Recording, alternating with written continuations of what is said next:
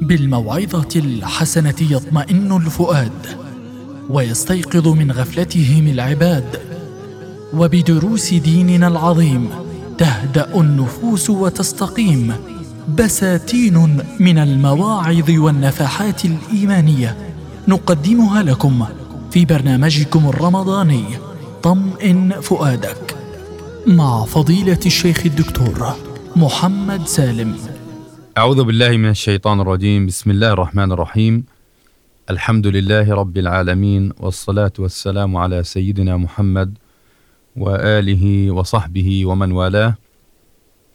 مستمعي الأكارم مستمعو راديو الشباب أسعد الله أوقاتكم بكل خير وتقبل الله تعالى منا ومنكم صالح الأعمال. وإننا لنسعد بلقائكم عبر هذه الموجة ضمن برنامج طمئن فؤادك. لنتحدث في هذه الحلقة في ظلال موضوع يرتبط بأصحاب النفوس السامية والهمم العالية والإيمان الراسخ وهو من مكارم الأخلاق إنه موضوع العفو. فمعنى العفو هو ترك المؤاخذة على الذنب والتجاوز عنه. وترك المعاقبة عليه. والعفو من الصفات الراقية التي إن تحلى بها الإنسان سيكون من ذوي الخلق السامي الحسن. والعفو من أكثر الصفات أهمية في المجتمع الإسلامي حيث تعتمد على إخراج الضغائن والأحقاد في قلب أي واحد منا تجاه أي أحد من الأهل والأقارب وحتى الزملاء والأصدقاء. فالعفو مبني على مقابلة الإساءة بالإحسان والصفح ولا يمكن أن يتحلى بها الإنسان إلا بعد جهد كبير وعناء كبير في التربية النفسية والروحانية. القائمة على احتساب الأجر والثواب عند الله سبحانه وتعالى.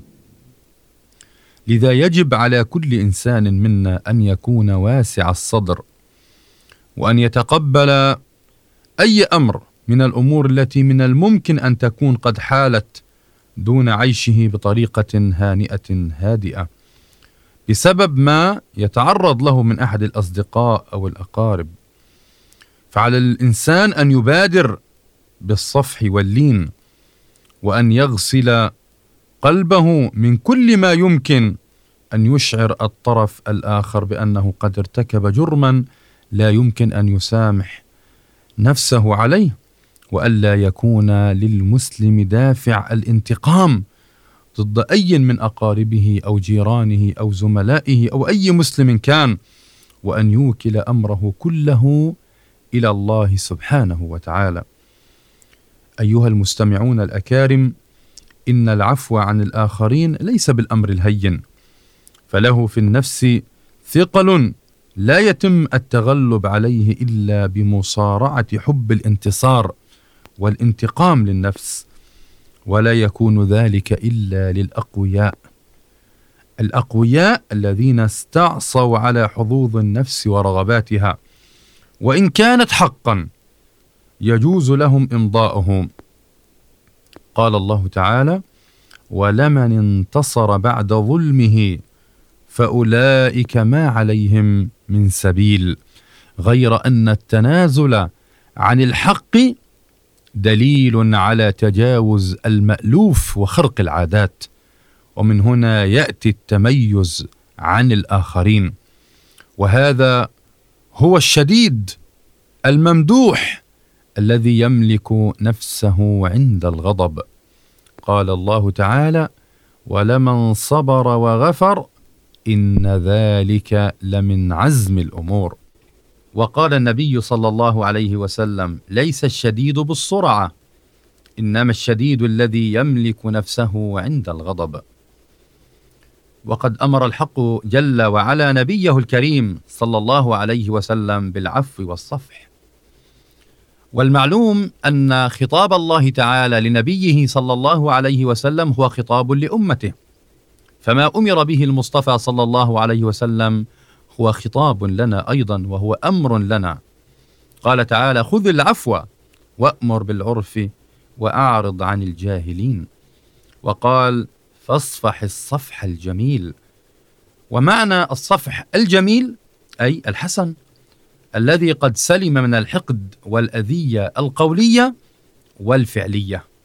بمعنى أن الإنسان إذا صفح عن إنسان آخر لا يبقي في قلبه مثقال ذرة من حقد أو ضغينة ولا يؤذي هذا الإنسان بأي أذية في القول أو في الفعل وفي الوقت الذي أمر الله تعالى نبيه صلى الله عليه وسلم بالعفو فإنه أيضا أمر المؤمنين بخطاب صريح فقال فاعفوا واصفحوا حتى يأتي الله بأمره إن الله على كل شيء قدير.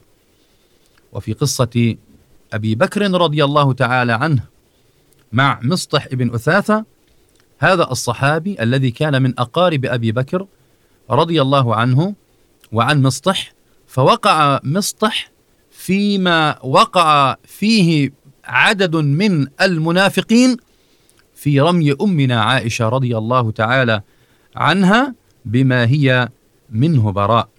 وكان أبو بكر رضي الله عنه ينفق على قريبه هذا الذي وقع في عرض ابنته عائشة البتول رضي الله تعالى عنها.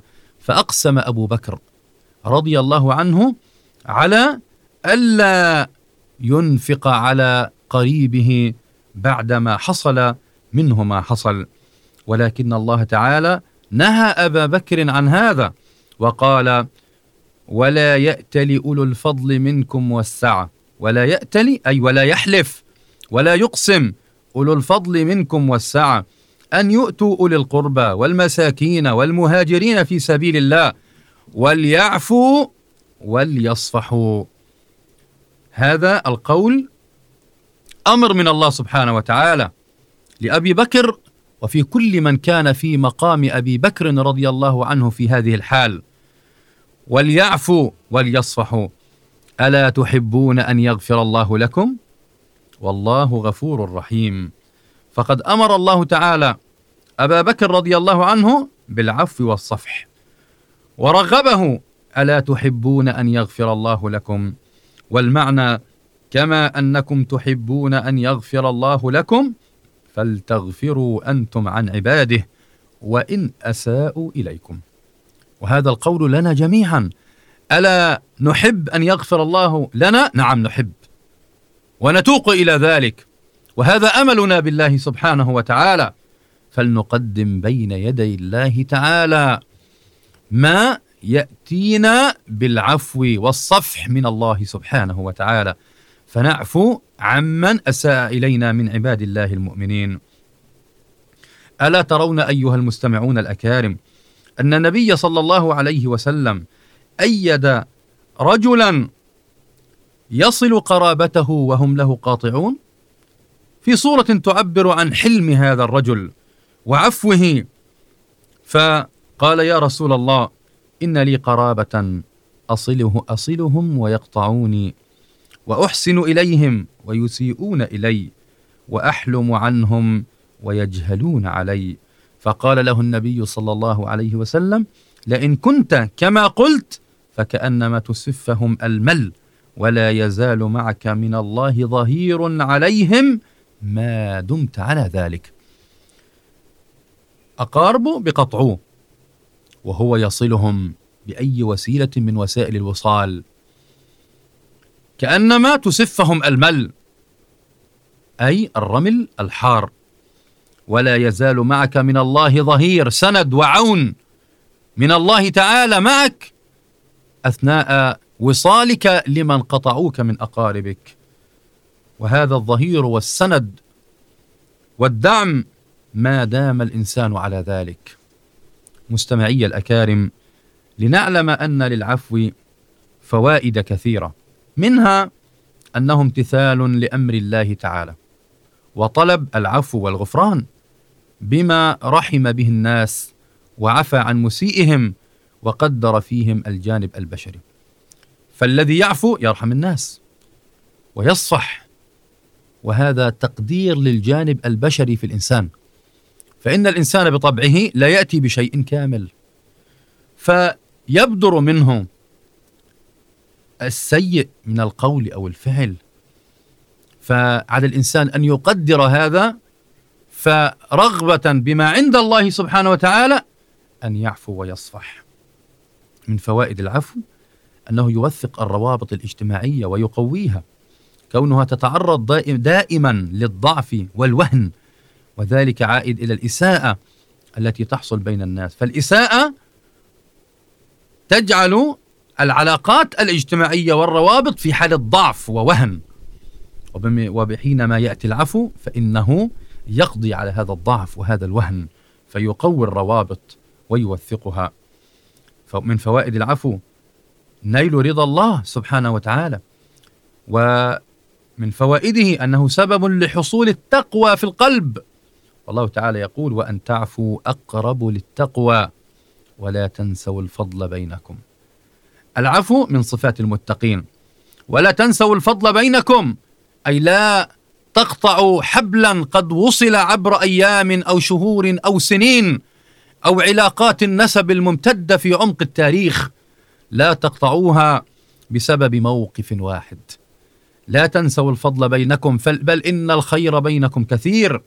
فلا يأتي أمر سيء ليقضي على هذا الخير الكثير ويقطعه من فوائد العفو أنه يشعر الإنسان الذي يعفو عن الناس بالراحة النفسية والطمأنينة والعزة والسكينة وشرف النفس لأنه قد فعل طاعة وهذه هي حلاوة الإيمان. حلاوة هذه الطاعة حلاوة العفو أن الإنسان يشعر بالراحة والطمأنينة ولا سيما أنه ينتظر العفو والغفران من الله سبحانه وتعالى. والعفو سبيل لحصول المودة والتراحم والألفة بين أعضاء المجتمع كلهم. كما أن بالعفو ينال الإنسان الرفعة عند الله تعالى ونيل محبة الله ومحبة الناس. أخي الكريم أختي الكريمة ما أحرانا أن نتخلق بخلق العفو؟ وأن نحتسبه عند الله تعالى لنحوز بثوابه وأجره يوم لقاء الله عز وجل. لذا اعفو واصفح وطمئن فؤادك. والسلام عليكم ورحمة الله وبركاته. بالموعظة الحسنة يطمئن الفؤاد ويستيقظ من غفلتهم العباد. وبدروس ديننا العظيم تهدأ النفوس وتستقيم. بساتين من المواعظ والنفحات الإيمانية نقدمها لكم في برنامجكم الرمضاني طمئن فؤادك مع فضيلة الشيخ الدكتور محمد سالم.